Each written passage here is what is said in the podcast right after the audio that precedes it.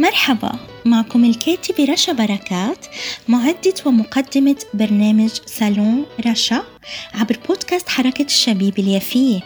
صالون رشا رح يكون صالون مفتوح لكل أنواع العناوين المحلية والعالمية واللي أكيد بتفيدنا. اسمعونا على منصات التواصل الاجتماعي والتطبيقات Spotify Podbean Google وأبل وطبعا على الفيسبوك بصفحتي بودكاست حركة الشبيب اليافية وحركة الشبيب اليافية سالون رشا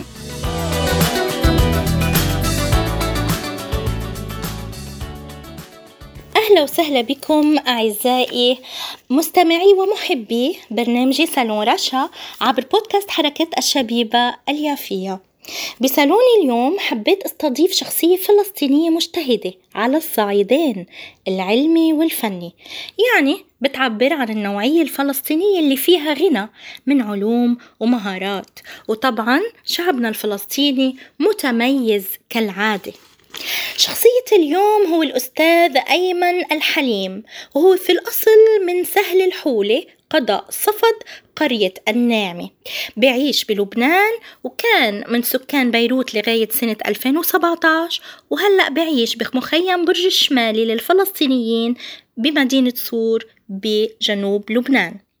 حصل على الجنسية اللبنانية سنة 94 وخدم بالجيش اللبناني بعام 1999 لغاية 2000 وطبعا بوجه تحية تقدير للجيش اللبناني وبتمنى التعافي للبنان بالقريب العاجل.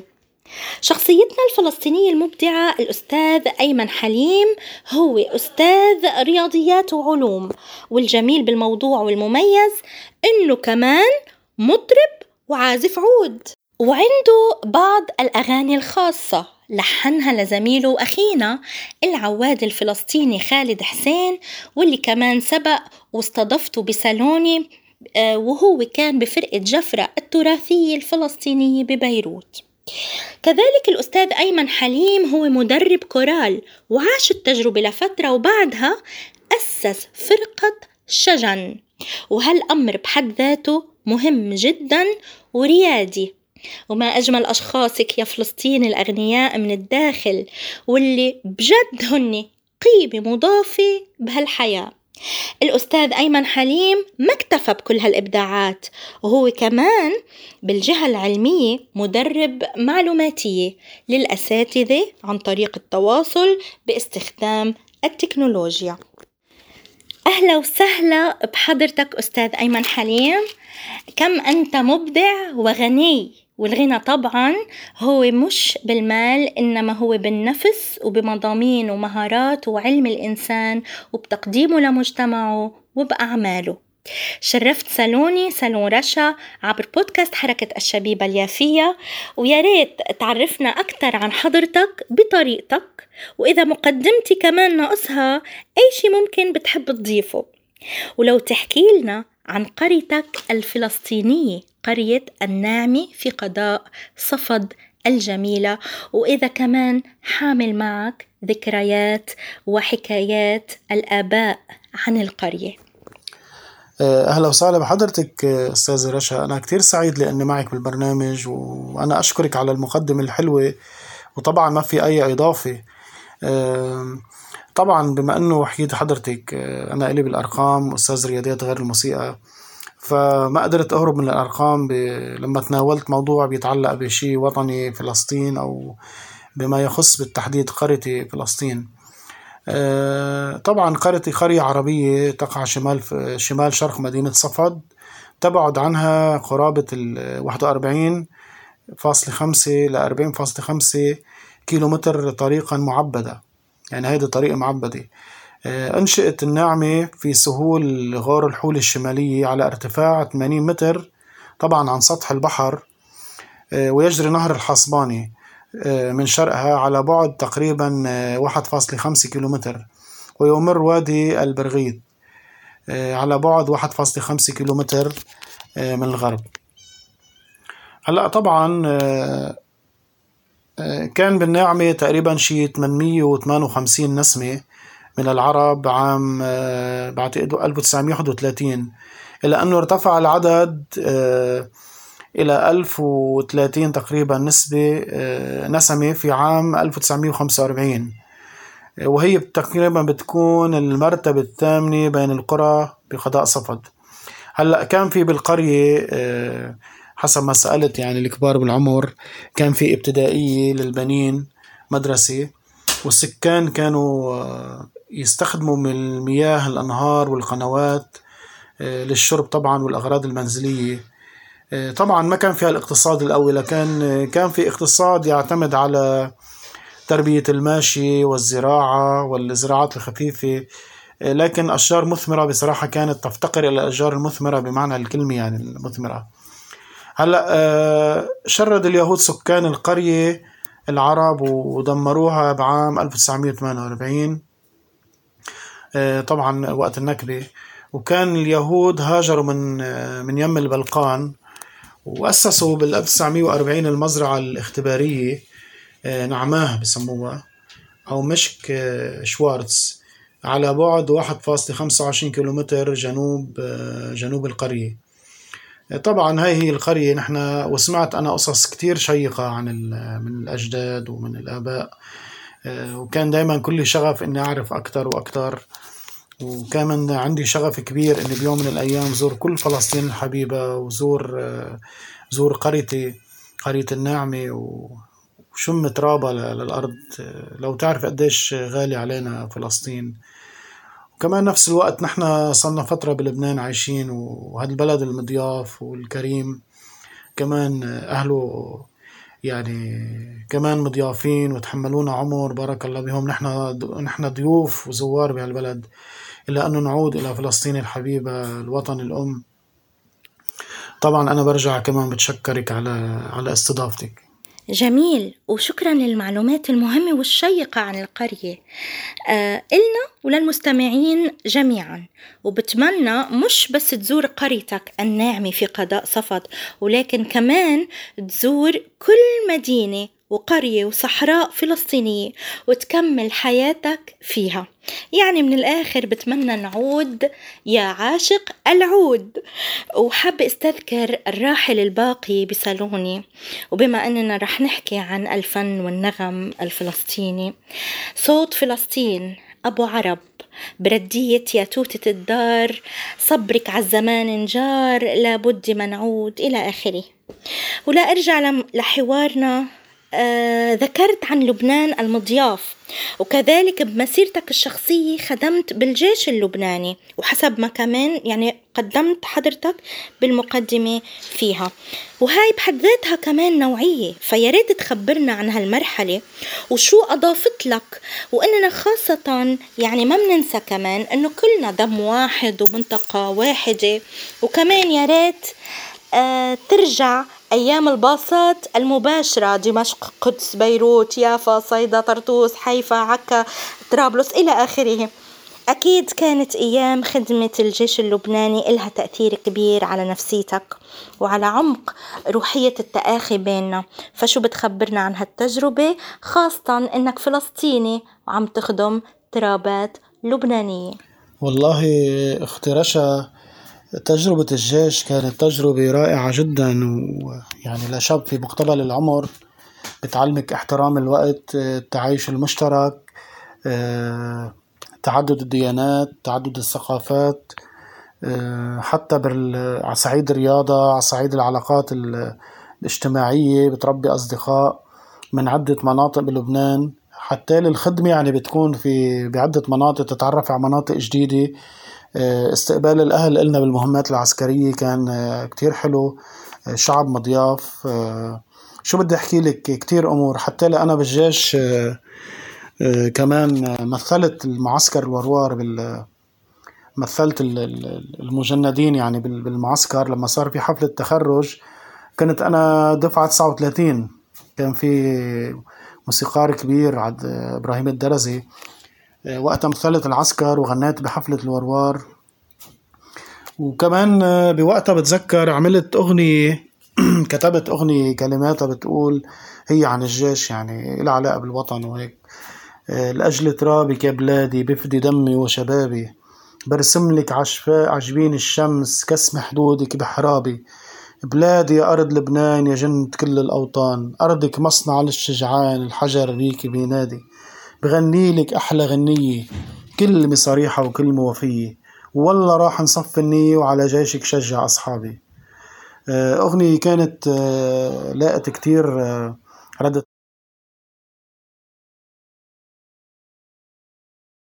وقتها بال بين العسكر يعني وكنت كتير مبسوط أنا بال... إني عم أقدم شيء طبعا احترامنا كمان للبدلة العسكرية. بالنهاية جيش عربي ونحن نحن موجودين ضيوف. أنا بالنهاية كنت لابس البدلة كعسكري وكنت أحترم هذه البدلة من تطبيق قوانين. وطبعا أنت بتعرف الجيش بالدولة اللبنانية.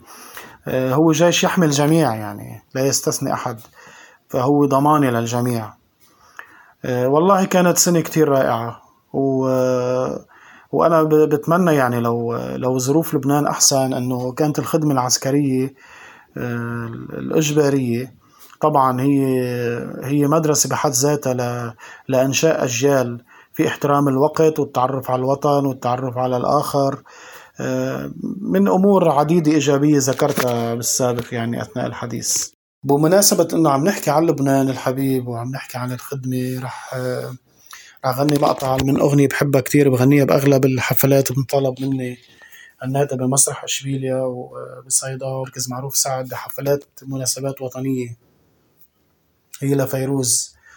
بحبك يا لبنان يا وطني بحبك بشمالك بجنوبك بسهلك بحبك. بحبك يا لبنان يا وطني بحبك بشمالك بجنوبك بسهلك بحبك. تسأل شو بني؟ شو اللي ما بني؟ تسأل شو بني؟ شو اللي ما بني؟ بحبك يا لبنان يا وطني. جميل ويسلم هالصوت. وطبعا لبنان مش بس إنه وطن عربي كمان هو يعتبر امتداد للأرض الواحدة والمنطقة الواحدة. وما بننسى فيروز كمان. وبما إنك أديت لنا أغنية فيروز بحبك يا لبنان. إنها كمان غنت للقدس. عاصمة وطننا فلسطين وقالت يا قدس يا زهرة المدائن يا قدس يا مدينة الصلاة عيوننا إليك ترحل كل يوم. ونحن كمان عيوننا عم ترحل لكل فلسطين وبأنها تتحرر. وكمان غنت لمدن وقرى فلسطينية مثل بيسان وأغنية احكي لي احكي لي عن بلدي احكي لي وسنرجع يوما وراجعون. وما مننسى المغني عازار الجميل لما غنى لمدينتنا يافا الجميلة وهكذا دواليك. كلياتنا من نسيج واحد وقضايانا حتما واحدة. وأنا بتمنى لك أستاذنا الكريم إنك تغني بنص ساحة قريتك الأصلية قرية الناعمة قضاء صفد وتعزف العود وتعلم الطلاب الرياضيات. و و و و. ولأنك شخصية تمتلك هالمزيج ما بين العلم والفن والإبداعات يا ريتك تحكي لنا عن بدايات مسيرتك بتفاصيلها وعن اختياراتك الفنية والعلمية في آن وأسبابها وكيف بتوازن ما بين الشقين. والله بالنسبة للبداية الفنية الله يعيني على هالسؤال الصعب. إيه، كيف بدي أقدر أضغط؟ يعني حقبات مهمة بحياتي بتمثلني بوقت بسيط. سؤال ذكي بصراحة و وصعب بالنسبة لي بنفس الوقت. لكن هلأ رح أحاول أستخدم استذكرتني فكرة ال compactness بالرياضيات. آه، كيف الشخص بيقدر آه، يحل يعمل solution لعدة أمور بأقل عدد من العناصر. تقدر يلاقي solution لعدة شغلات. فهذه فكرة ال compactness فلعل هذا لأقدر أستفيد. أعمل ال compactness طبق ال compactness فعليا على الواقع بالنسبة لمسيرتي آه، لمسيرتي كشخص. بلش على شكل دائرة ببلش توسع شوي شوي. طبعا هي هاي علاقاتنا الاجتماعية نحن بالمجتمع كي نبلش ننفتح ببلش الإنسان مع نفسه مع أمه مع بيه آه، بيتجه نحو الأصدقاء قارب آه، طبعا آه، بروح اتجاه مسرح المدرسة بعدين مسرح الثانوية بعدين مسرح الجامعة. طبعا بالنسبة لي كانت البداية الفعلية هي بالجامعة. بوقتها تعرفت على على أشخاص أكاديميين بالموسيقى مثل الأخ خالد آه، الأستاذ خالد عازف عود وملحن آه، فلسطيني متميز وهو عربي بالدرجة الأولى مثلنا نحن كلنا عروبيين نحب الوطن العربي. آه، أيضا رافقني بمسيرتي الفنية يعني خالد بالبرامج اللي رحت عليها كان يرافقني على العود. وله كل الشكر. أيضا عملنا أغاني خاصة أنا وياه ونفس الوقت آه، اشتغلنا فترة مع فرقة جفرة آه، طبعا كمان تعرفت على صديقة كانت بالجامعة لإلي اسمها هدى هي كانت المسؤولة الإعلامية للجنة تخليد عمالقة الشرق بكرموا العمالقة يعني منهم فيروز وديع الصافي مع حفظ الألقاب وسمية بعلبكي وكثير يعني فكان رئيس اللجنة أنطوان عطوي كمان تعرفت عليه بوقتها. كان في مشروع نعمل فرقة وضل حلم ما مشي الحال لأنه المواصلات و... وكتير أمور والدرس والشغل. طبعا بنفس الوقت أنا كنت عم بدرس سايكولوجي بالجامعة اللبنانية وبلشت بالمعهد العالي للموسيقى. كان وقتها سجلت معي إذا بتعرفوه آدم كان جاري الوائل آدم. سجلته كان هو أصغر مني سنا آه، سجلته بالمعهد وصرنا نترافق نروح على المعهد مع بعض تعرفت على أساتذة هونيك. طبعا هو كفى الله وفقه بيستاهل يعني صوت من الدرجة الأولى. لكن أنا كان فكرة حملة البطيختين وثلاثة مع بعض الشغل والجامعة والموسيقى كانت بالنسبة لي بصراحة وزن. ونفس الوقت ما كان في social media بهالطريقة نقدر آه، ننشر آه، الفن اللي إلنا أو نقدر نتقدم خطوات بالنسبة للموسيقى. آه، لذلك آه، كانت يعني تقريبا التقدم بسيط آه، وكان في أولوية priority يعني بالنسبة لاختيار مسار بالحياة. إلا أنه بقيت على شكل تقريبا تقريبا هو صرنا نمارسها بحفلات عديدة نمارسها من خلال مسرح الجامعة بحفلات بال علاقة بال مثلا باليوم الأم يوم الطفل يوم الأب عيد الأرض إلى آخره. آه، طبعا كان خالد كمان يرافقني بهالمسيرة ووقتها كنت بلشت أنا وابن خالتي هيثم ومحمد جمعة. آه، هيثم عازف ناي محترف وأكاديمي ومحمد جمعة عازف آه، كمان جيتار bass وكلارنيت وأكاديمي. وهيثم أيضا عنده فرقة شرقي group زفات وأعراس. هاو أشخاص يعني هن ناس بحياتنا مهمين. كثير و... وكنا شركاء يعني بالطريق الفني. مع اختلاف العمر البسيط بينه وبين خالد وبين الشباب بس إنه كان في ملتقى اللي هو الفكر الأكاديمي بال آه، إنه لازم يكون في ثقافة موسيقية للفنان. طبعا تعرفت على روبير صفدي وقتها وقت اللجنة مؤرخ موسيقي. تعرفت من خلاله على حسين المنذر أستاذ حسين المنذر آه، شفته مرة عنده. التقيت فيه. آه، دكتور فاروق الجمال كان لي الشرف كمان مسام أبو دكتور فاروق الجمال كان رئيس كلية الإعلام بالجامعة اللبنانية العميد. آه، أختي ام أبو جديد آه، كمان التقيت فيها مرة. كلهم أشخاص كانوا مهمين. أيضا تعرفت على على أستاذ ناصر الأسير كمان. في لفتة كبيرة شاركته بحفلات آه، مع فرقته الموسيقية معهد الموسيقى الخاص في مركز الموسيقى الأسير للموسيقى. آه، بعدة حفلات بصيدا. كانت هدفها وطني وتراثي ومناسبة عيد الموسيقى والأم. في بعض الأغاني انشراح نمرقهم من هاي الحفلات. طبعا هاي هاي المسيرة يعني قد ما لخص مثل ما قلت آه، عم احاول اضغط عم اعمل كومباكتنس ل لحلقات مهمة بحياتي صنعت مني وحولت مني شخص يعني آه، شوي عملي زيادة. نفس الوقت خلتني اختار الخيار الأصح بالموسيقى اللون الطربي الهادف. ما بهمني الحفل يكون في مردود مادي بهمني يكون وصل رسالة طال ناس طبقة معينة بتهتم بهالنوع من الموسيقى. إلى أن طبعا آه، وصلت لفرقة شجن اللي هي الحلم العمر إذا بدك. الله يعطيكم العافية وجميل جدا مسيرة حافلة. يا ريت تخبرنا عن فرقة شجن.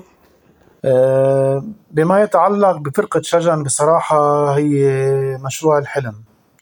طبعا أنا حكيت أنه نحن آه، أنا والمجموعة اللي مع الشباب نحن اشتغلنا مع عدة فرق وطلعنا وظهرنا بعدة فرق موسيقية تراثية إلى آخره كلهم خير وبركة. لكن نحن كنا صارنا فترة عم نتداول إنه نعمل شيء خاص لنا يعني يمثل نظرتنا و وطريقة تفكيرنا كيف نحن بنشوف القضية كيف نحن آه، بنحب نعبر عن قضيتنا ونوصل رسالتنا من خلال آه، من خلال الكلمة واللحن. وكلنا بنعرف إنه الكلمة واللحن لها تأثير كتير كبير ومن أرقى أنواع المقاومة هي الأغنية. آه، الأغنية واللحن والكلمة بشكل عام. آه، والثقافة أيضا كمان. فهي عبارة عن نضال مستمر بكل ثانية وكل دقيقة يعني. هي عبارة عن رصاص آه، رصاص دائم ينطلق باتجاه العدو الغاصب. ليه؟ لأنه دائما انت بالثقافة دائما بضلك تذكري الأجيال وتسلمي من جيل لجيل الفكر والثقافة والتنوع وحضارتنا. طبعا لأنه إسرائيل هي عم تحاربنا كحضارة هي ما عم تحاربنا كأجسام يعني عم تتحرك وبتاكل وبتشرب أو هي ما عم تحارب جماد هي عم تحارب فكر. متوارث عبر الأجيال من حبنا لقضيتنا الفلسطينيه والقضايا العربية بشكل عام. لبنان فلسطين الأردن سوريا ليبيا الجزائر تونس مصر إلى آخره. فكل هذه القضايا العربية آه، نحن من خلال الموسيقى الهادفة آه، بنحاول لو شيء بسيط إنه دائما نذكر آه، بقضايانا العربية وطبعا على رأس القضية الأم القضية الفلسطينية الأرض المغتصبة الأرض الأجداد والآباء. أرض القداسة والديانات والتجمع والتنوع التنوع الديني والحضاري وكل الأشياء الجميلة. آه، فرقة شجع نحن لما لما قررنا نسمي الفرقة طبعا بعد تداول و وأعداد عدة أعداد توصلنا إنه آه، كان في نحن كذا اسم صدى الشرق آه، كان في اسم صبا الشرق وكان في اسم شجن طبعا بالإجماع أخذوا اسم شجن. طبعا هاي الفرقة نحن بدايتها نحن دعم ذاتي ما حدا بصراحة بدعمنا. وللأسف إنه لما بلشنا فعليا البروفات والشغل آه، طبعا الوضع بلبنان صار سيء على كل الناس. آه، المواصلات أصبحت غالية ضيق الوقت كمان ظروف كورونا. آه، بس في شخص عن جد لا ينسى يعني لا ينسى فضله ودعمه لأن معنويا أقل شيء على الأقل معنويا الأخ نادر سعيد آه، أبو طارق هو رئيس جمعية الشروق وإنسان ناشط آه، كشفيا قائد آه، على مستوى يعني عالي ويشهد له بالنشاط الاجتماعي وال والثقافي والبيئي والإنساني. بصراحة إنسان متعدد المواهب. تعرفي نحن أغلب شعبنا آه، بتلاقيه متعدد ومتميز في عطاءاته. لكن له كل الاحترام والتقدير ونحن إن شاء الله مكفين معه المشوار. آه، طبعا بالنسبة لفرقة شجن نحن عم نتناول الأغاني التراثية والوطنية والاغاني الهادفة. الأغاني اللي بتمس القضايا العربية بشكل عام القضية الفلسطينية واللبنانية بشكل خاص و وبتعبر عن الحنين والانتماء آه، وهذا البريق اللي داخل كل إنسان فينا. وأتمنى أنه هاي الفرقة يوم من الأيام يجيها دعم أكتر ونقدر نستمر آه، ونبلش بحفلاتنا الفعلية على الأرض. آه، تنقدر إن شاء الله نحقق هاي الرسالة. ونحقق هدفنا يعني ويكون شيء مفيد للمجتمع وأيضا شيء هادف بالدرجة الأولى. آه، بما يتعلق مفهومي للأغنية بشكل عام آه، بصراحة عندي نظرة معينة للأغنية. راح أتناولها بشكل بديش أقول فلسفي بس يعني أحاول أربط بين بين فهمي لل للرياضيات أو العلوم بشكل عام والموسيقى. طبعا الموسيقى بشكل عام هي عبارة عن عن تناغم وعبارة عن مسافات وأزمنة ومقامات ونوتات موسيقية آه، آه، كلها لتقدر تطلعي بلحن أو تطلعي تطلعي بجملة لحنية أو بمقام معين. لابد يكون في مسافات محددة آه، بوتيرة معينة بزمان معين إلى آخره لتقدر تطلع بهذا اللحن الجميل. طبعا أنت بنفس الوقت بتكوني عم تشتغلي علم أرقام وعلم انسجام من ناحية الصوت ومن ناحية تباعد المسافات آه، وأيضا آه، بالنسبة للصوت لما يطلع آه، من آلة محددة مثلا أو أو أو لحن. طبعا نحن بنكون عم نتناول شيء له علاقة بعلم الصوتيات أو ال waves الآخري بالعلوم بال physics يعني.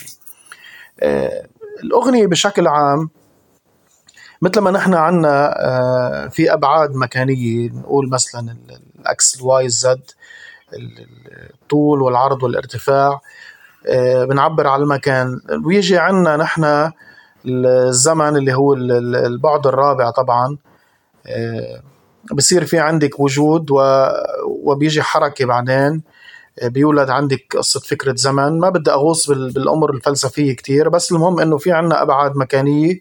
الثلاثة بيجي البعد الرابع هو الزمن. خلينا نطبق نفس الشيء على آه، على الأغنية. فإذا قلنا من الميلة الأولى ال X Y Z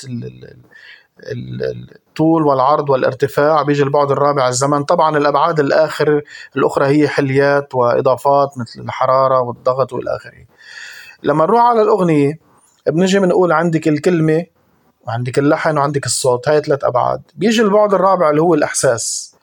طبعا الأبعاد الأخرى اللي حكينا هونيك عن الرطوبة والحرارة والاخره بيجي هون كأنه عم يلعب آه، هو اللي هي الحليات بالصوت أو هي العرب إلى اخره فنحن بهاي الطريقة بنكون عم نشوف إنه الموسيقى هو علم منطقي بشكل آه، بشكل لا متناهي. أيضا هو يعبر عن الإحساس ويعبر عن عن الشعور ويعبر عن العاطفة والقضايا الإنسانية. فاذا صار مفهومنا للأغنية هو مفهوم شامل وعميق جدا جدا جدا. والأغنية مهما تحدثت عنها لا أستطيع أن أصفها بكلمات محدودة لأنه بصراحة الموسيقى والكلمة واللحن هي لغة لغة الكون. يعني لغة كل العالم. بتلاقي نح أنت عندك أوركسترا 40 و50 و100 عازف ممكن يكون كل حدا من دولة لكن بتلاقيهم كلهم بيعزفوا نفس اللحن وفاهمين الصبغة الحزينة أو الفرحة أو فاهمين القصوصة أو أو الموضوع من خلال اللحن المتواجد بين إيديهم. بيربطهم شو؟ بيربطهم الموسيقى أو بيربطهم هذا اللحن. آه، فأنا هاي هي نظرتي بصراحة لل للأغنية بشكل عام اللي بحسها هي بتعبر عني بالناحيه العاطفية والموسيقية نفس الوقت من الناحية العلمية. وبالنسبة للتعليم كمادة رياضيات وعلوم؟ بالنسبة ل... بالنسبة للتعليم كمادة رياضيات وعلوم بلشت تعلمت بصراحة بكتير مدارس تنقلت بكتير مدارس. دائما كنت أبحث عن الأفضل أبحث عن المعاش اللي يكون يتناسب مع يعني مع مع حي... متطلبات حياتي اليومية. كلنا ببحث عن فرصة عمل دائما أفضل بلشت بمدارس بسيطة اللي هي ذوي الدخل المحدود. آه، بلشنا نتطور شوي شوي واكتسبت خبرة من كل مدرسة. آه، فتح كلهم خير وبركة. استفدت منهم كلهم بال... تعرفت على أساتذة على ثقافات متنوعة على عقول مختلفة جدا بالنسبة للطلاب مستويات مختلفة. وطبعا التيتشر هو هو متعلم أيضا يعني بخلال فترة تعليمه بضل يتعلم إلى الله ياخذ أمانته طبعا. آه، لأنه دائما عملية التعليم هي عملية تعلم بنفس الوقت. الاحتكاك بالآخر حتى لو كنت أنا ك teacher الاحتكاك بالآخر آه، يعني أسئلة يعني أجوبة. الأسئلة بتخلي ال teacher يكون على تحضير دائم أو بتخليه يحضر الدرس بشكل أفضل بتخليه يصير يتوقع شو ممكن يسأل الطالب. لذلك بكون بيكون الدرس اللي عنده أو تحضيره يتجه نحو الشموليه أكثر اللي هي بتعني إنه درس متكامل يراعي جميع الفروقات الفردية من دون ما يحسس أي طالب آه، بالنقص أو هو أقل من غيره. أنا دائما كنت أبحث بحياتي عن آه، عن دائما الصح عند التلميذ.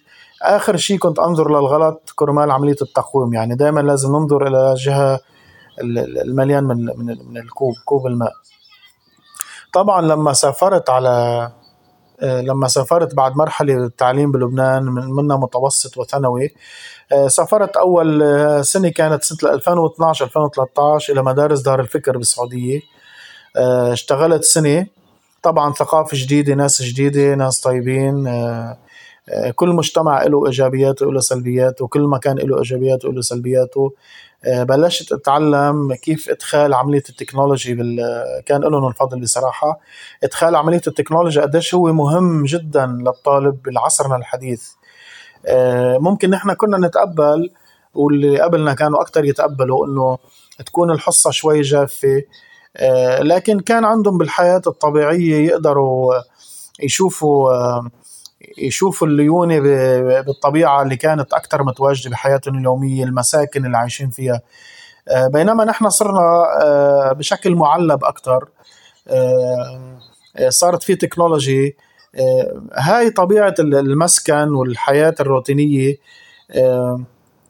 عملت نوع من الجفاف عند الطالب إلى أنه بمحل تاني وجود التكنولوجي خلته يشوف مثلا الطبيعة أو ال أو ال application تطبيق على العمل الفيزيائي أو الرياضي أو أو أي مادة لغوية آه، صار يقدر من خلال التكنولوجي تجي الطبيعة لعنده على الصف. بينما نحن قبل كنا يقول لك تخيل شجرة أو انظر إلى تفاحة سقطت من من الأعلى مثلا. آه، كان الولد هو عم يلعب بالبرية كان يقدر يشوف التفاحة تنزل. يعني ما يعني التحدث عن عملية التعلم هي عملية شوي معقدة نفس الوقت هي حلوة جدا. لأنه بتحكي عن عن نمط حياة متكامل. الطالب مش بس بالمدرسة بروح بيدرس ساعة وساعتين الطالب عبارة عن بيئة عايش فيها بالبيت عن أصدقاء بالشارع آه، عن طبيعة اساتذه بالمدرسة بيتنوع أفكارهم وثقافاتهم. فإذا كانت لما رحت أنا على على السعودية كانت بداياتي في دخول التكنولوجيا على حياتي. إلى أنه بعد ما رجعت من السعودية طبعا المناسك الدينية الحمد لله كانت فرصة لي كبيرة. الحج والعمرة وزيارة الأماكن المقدسة وتعرفت على أصدقاء كثر منهم أبرزهم كان الخطاط العالمي أمجد عبد الرحمن أمجد وآخرين كثر يعني على قدر من الثقافة والعلم. آه، طبعا بعد ما رجعت من السعودية كمان استلمت بلشت استلم كمنسق بالمدارس. آه، اشتغلت تقريبا ما يعادل سنتين بلبنان إلى أنه كمان الحاجة إلى إلى فرص يكون فيها إنتاج مادي. كمان اتجهت نحو الإمارات دبي International School كمان زادت خبرتي أكثر تعرفت على ناس وثقافات أيضا. جديدة ومختلفة قمة الحضارة والرقي والتطور. آه، خضعت لدورات كتيرة بالتربية والتعليم. ورجعت تقريبا بعام 2014 2015 آه، كله هذا كان سكن أنا بعدني ضمن بيروت. كنت حكيت إن أنا بال 2017 جيت على سور آه، بهاي المرحلة كمان بدأت بعد ما رجعت من دبي بدأت بالتعليم الرسمي والثانوي الخاص. قبل الظهر وبعد الظهر تعليم تعليم الرسمي. كنت بمجمع جبران تويني مدرسة أملي سرسوق اشتغلت ثلاث سنوات وانتقلت إلى إلى صور والآن أنا في مدرسة صور الرسمية الثانية المختلطة.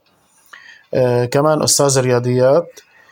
طبعا بهاي الفترة اللي صار فيها انتقال من بيروت لهون بعد ما الحمد لله اكتسبنا خبرة من خلال التنسيق والسفر وزيارة عدة دول. آه، طبعا اكتسبنا خبرة في استخدام التكنولوجي بال أو المعلوماتية بعملية التعلم. فكان لي الشرف إنه آه، اختاروني شركة مؤسسة ال IABC تنمية القدرات صاحبها ومديرها العام الدكتور محمد عويد بنوجه له تحية كبيرة وكان معه منسقة سارة البيطار بالمشروع. الأستاذة سارة البيطار ناشطة اجتماعية وهي رئيسة جمعية صيدا أبناء صيدا البلد. وجه لها تحية كبيرة. وكل الزملاء الدكاترة والأساتذة اللي شاركوا معنا بالتدريب أيضا اختارونا وبلشنا تقريبا أنا كنت على مستوى جنوب تقريبا صور المعتمد في التدريب. وهي كانت تدريب الأساتذة على استخدام المعلوماتية والتكنولوجيا في التواصل مع أجيالنا هاي الجديدة حديثين التعلم يعني المرحلة الأولى تقريبا. والحمد لله حاليا نحن كل ما يكون في مشروع بنكون مشاركين فيه بالنسبة للتدريب المهني بما يتعلق بالمعلوماتية إلى جانب تعليم مادة الرياضيات وأيضا إلى جانب مثل ما حكينا المشاركة ببعض المناسبات لها علاقة بالموسيقى. والله بما يتعلق بشغلي بالتحديد أو انتمائي إلى إلى جمعية الشروق. هي ثقافية وشبابية بصراحة هو انتماء آه، له علاقة بالمبدأ وله علاقة بانتماء إلى قضيتي وانتماء إلى قضايا إذا بدك المجتمع بشكل عام الإنسانية والثقافية. آه، طبعا رئيس الجمعية هو صديق آه، وأخ عزيز بالنسبة لي. آه، نادر سعيد أبو طارق. حكينا كمان قبل عنه. تربطني فيه صداقة كتير كبيرة وهو عنده طموح وأحلام وشاب طموح مثلي يعني وإله وزنه على الأرض. بالأمور الكشفية والشبابية ودعم الأطفال ودعم الشباب ونحن نحن متفقين بمبدأ عام إنه بناء الشباب والأطفال هو بناء المجتمع. يعني نحن نحن بنطلع إلى نظرة طويلة الأمد إذا بدك لبعيد. فبنأسس بنأسس صح لأنه في مشاريع ممكن تكون سريعة بتاخذ وجه إعلامي بس هي على المستوى البعيد تنطفئ آه، لا يكون لها أي نتائج إيجابية على الأرض. بينما الاتجاه نحو الأطفال والشباب هي عبارة عن زرع آه، زرع ثمار خيرة آه، لكي يحصدها بالمستقبل الجيل القادم أو أو أو أو الجو العام القادم. يقطف ثمار ما نزرعه نحن الآن. لذلك إحنا متفقين بهذا الموضوع أنه نشتغل على الشباب والطاقات من خلال الحياة الكشفية من خلال حلقات الموسيقى من خلال آه، المشاريع الثقافية. مثلا عملنا مشروع مع بعض آه، استلمنا مشروع من قبل إنيشيت جمعية إنيشيت مشروع ألف ليلة وليلة القصة. آه، كمان كان مشروع كتير رائع بنوجه لهم تحية على ثقتهم فينا وحبوها كتير الأطفال. آه، من خلال الحياة الكشفية مثل ما حكينا من خلال النشاطات من خلال الرحلات آه، حلقات الموسيقى الرياضة. فهي جمعية بصراحة متنوعة دعم ذاتي. آه، بتدعم حالها بحالها وأنا إلي الشرف كون هلأ موجود معهم وعم نحاول نشتغل مع بعض و بصراحة وعم نحاول إنه نعمل شيء يعني لشبابنا ولأطفالنا. وطبعا أي حدا بكون عنده نحن جاهزين يعني فكرة مشروع أو بدي يدعم بطريقة معينة آه، نتشارك نحن وياه بإنجاز فكرة بتفيد شبابنا وقضيتنا بتفيد أطفالنا نحارب الفساد من خلال الفساد اللي عم بيدخل على على الفئة العمرية اللي بتختص بأطفالنا والشباب الناشئة جديد نحن إن شاء الله بنكون إيد واحدة إن كان من خلال فرقة شجن أو من خلال جمعية الشروق. آه، نحن ممكن ممكن نكون إيد بإيد لإنجاح هاي العملية التطويرية لأي شيء محدد. يعني نحن صدرنا وإيدينا مفتوحة لأي إنسان أو أي جهة معينة. آه، طبعا آه، بتكون هي هدفها الأول والأخير هو العمل على الشباب العربي بشكل إنساني بشكل بشكل حضاري. ومع كل إنجازاتك وأهدافك اللي حققت منها الكثير واللي يمكن لسه عندك بعد أكيد يعني حسب ما واضح الكثير اللي بتحلم فيه. ما هو حلمك؟ والله بالنسبة ل أنا عندي حلم وبتمنى يتحقق. طبعا بالدرجة الأولى هو واحد يرجع على وطنه على بلده. هذا بشكل عام فلسطين الحبيبة يرجع يزور بلاده. طبعا نحن نحن الفلسطينيين أو العرب الموجودين بلبنان أو بالشتات نحن عبارة عن بذور بذور خيرة بذور طيبة انزرعت بهاي الأرض أو الأرض العربية بالتحديد لبنان والدول العربية الأخرى نحن بذور طيبة من فلسطين انزرعت بأرض طيبة وأنبتت وأثمرت عرفتي كيف؟ يعني كمان الأرض العربية اللي انزرعنا فيها لعبت دور كبير استقبلونا بشكل محب ورحابة صدر والى آخره. وساندونا بقضيتنا الفلسطينية. ونشكر كل إنسان ساندنا بقضيتنا الفلسطينية. طبعا هذا هو الحلم الأساسي والكبير اللي هو العودة إلى الوطن الوطن الحبيب. بينما على الصعيد الشخصي طبعا أنا بتمنى أرجع أكفي دراساتي العليا. بكفي القسم الأخير من الماجستير والرياضيات وكفي ال PhD الدكتوراه. وارجع طبعا أنا علمت private بالجامعة. ارجع مارس يعني مارس هاي الهواية بشكل رسمي إني أعلم بالجامعة اللي درست فيها أنا.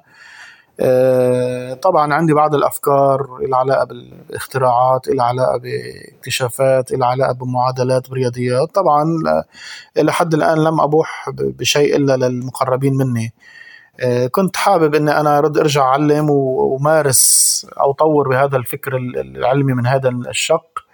أيضا من الشق الفني إني بأوقات اللي بتسمح لي أقدر أتواجد على المسارح الكبيرة بلبنان أيضا بالوطن العربي أنا و أنا وفرقتي ومن يساندنا يعني. أه نقدر نوقف على مسارح كبيرة ونغني للقضية الفلسطينية ونغني للبنان ونغني للدول العربية جزائر تونس مصر ليبيا بديش أنسى حدا عراق. أه لأنه الوطن العربي بصراحة فيه ما يكفيه من الطعنات وال آه، والشرخ الكبير اللي صار بين الدول للأسف نحن بنأسف إنه هيك صار. آه، نحن حابين نغني لهي القضايا. يعني نمارس عملنا الأكاديمي نفس الوقت آه، رسالتنا من الناحية الفنية اللي هي متطابقة ومنسجمة كليا مع مع وضعنا الأكاديمي بالمجتمع يعني. فنحن بنتمنى من الله إنه يعني نقدر نحقق هاي الأمور نرجع فلسطين ونرجع نغني على المسارح و... ونحقق هاي القضايا بشكل عام. ونحن على أمل إنه آه، في ناس عم تشتغل ليل نهار يمكن نحن الأقل آه، عم تشتغل ليل نهار لتحقق هذا العدل العدل السلام العالمي بشكل عام والسلام العربي وال واللحمة العربية بشكل خاص. وربنا يكون إن شاء الله معهم جميعا. ونحن بنشد إيدنا على كل عربي شريف.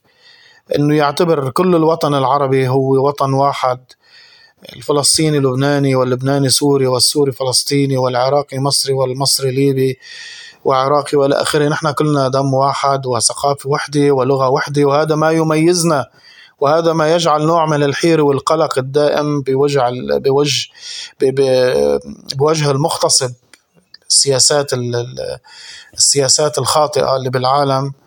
هذا اللي بيخلينا دائما يخافوا من من ثقافتنا وحضارتنا واللغة الواحدة والعادات والتقاليد. دائما بيخلقوا لنا نزاعات بالشرق الأوسط. كرمال ما يصير في هذا التقدم وهذا التطور لأنه المجتمع العربي غني بالثقافات وغني بالفكر والأخلاق والعادات والتقاليد الحميدة. فنطلب من الله سبحانه وتعالى أنه يوفقنا و ونقدر نحقق هاي الآمال والأحلام اللي ربما يوم الأيام تصبح حقيقة إن شاء الله. شكرا كتير أستاذنا وفناننا المبدع عماد الحليم الفلسطيني اللبناني.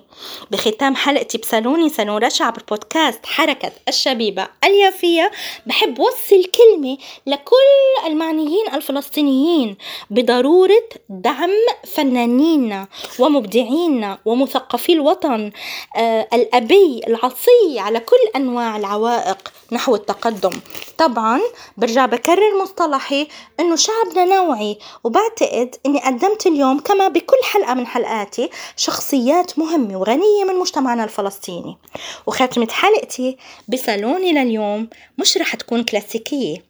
لأني رح سمعكم عينات من أغاني وبروفات الأستاذ والفنان المبدع والمثابر المجتهد والطموح أيمن الحليم مع فرقته. وطبعا بوجه تحياتي كمان للفنان خالد حسين واللي سبق واستضفته بسالوني وكذلك للأستاذ والناشط الكشفي والفنان نادر سعيد وكذلك الأمر استضفته بسالوني. طبعا أعزائي المستمعين بتقدروا تسمعوا كل برامج بودكاست حركة الشبيبة اليافية عبر منصات التواصل الاجتماعي والتطبيقات مثل Spotify، Podbean، Google، Apple وصفحتي حركة الشبيبة اليافية وبودكاست حركة الشبيبة اليافية. رح أترككم تستمعوا على الأغاني والبروفات وتستمتعوا وتقولوا يا عين. وتحياتي إلكم سالون رشا. راحت وشو بيضل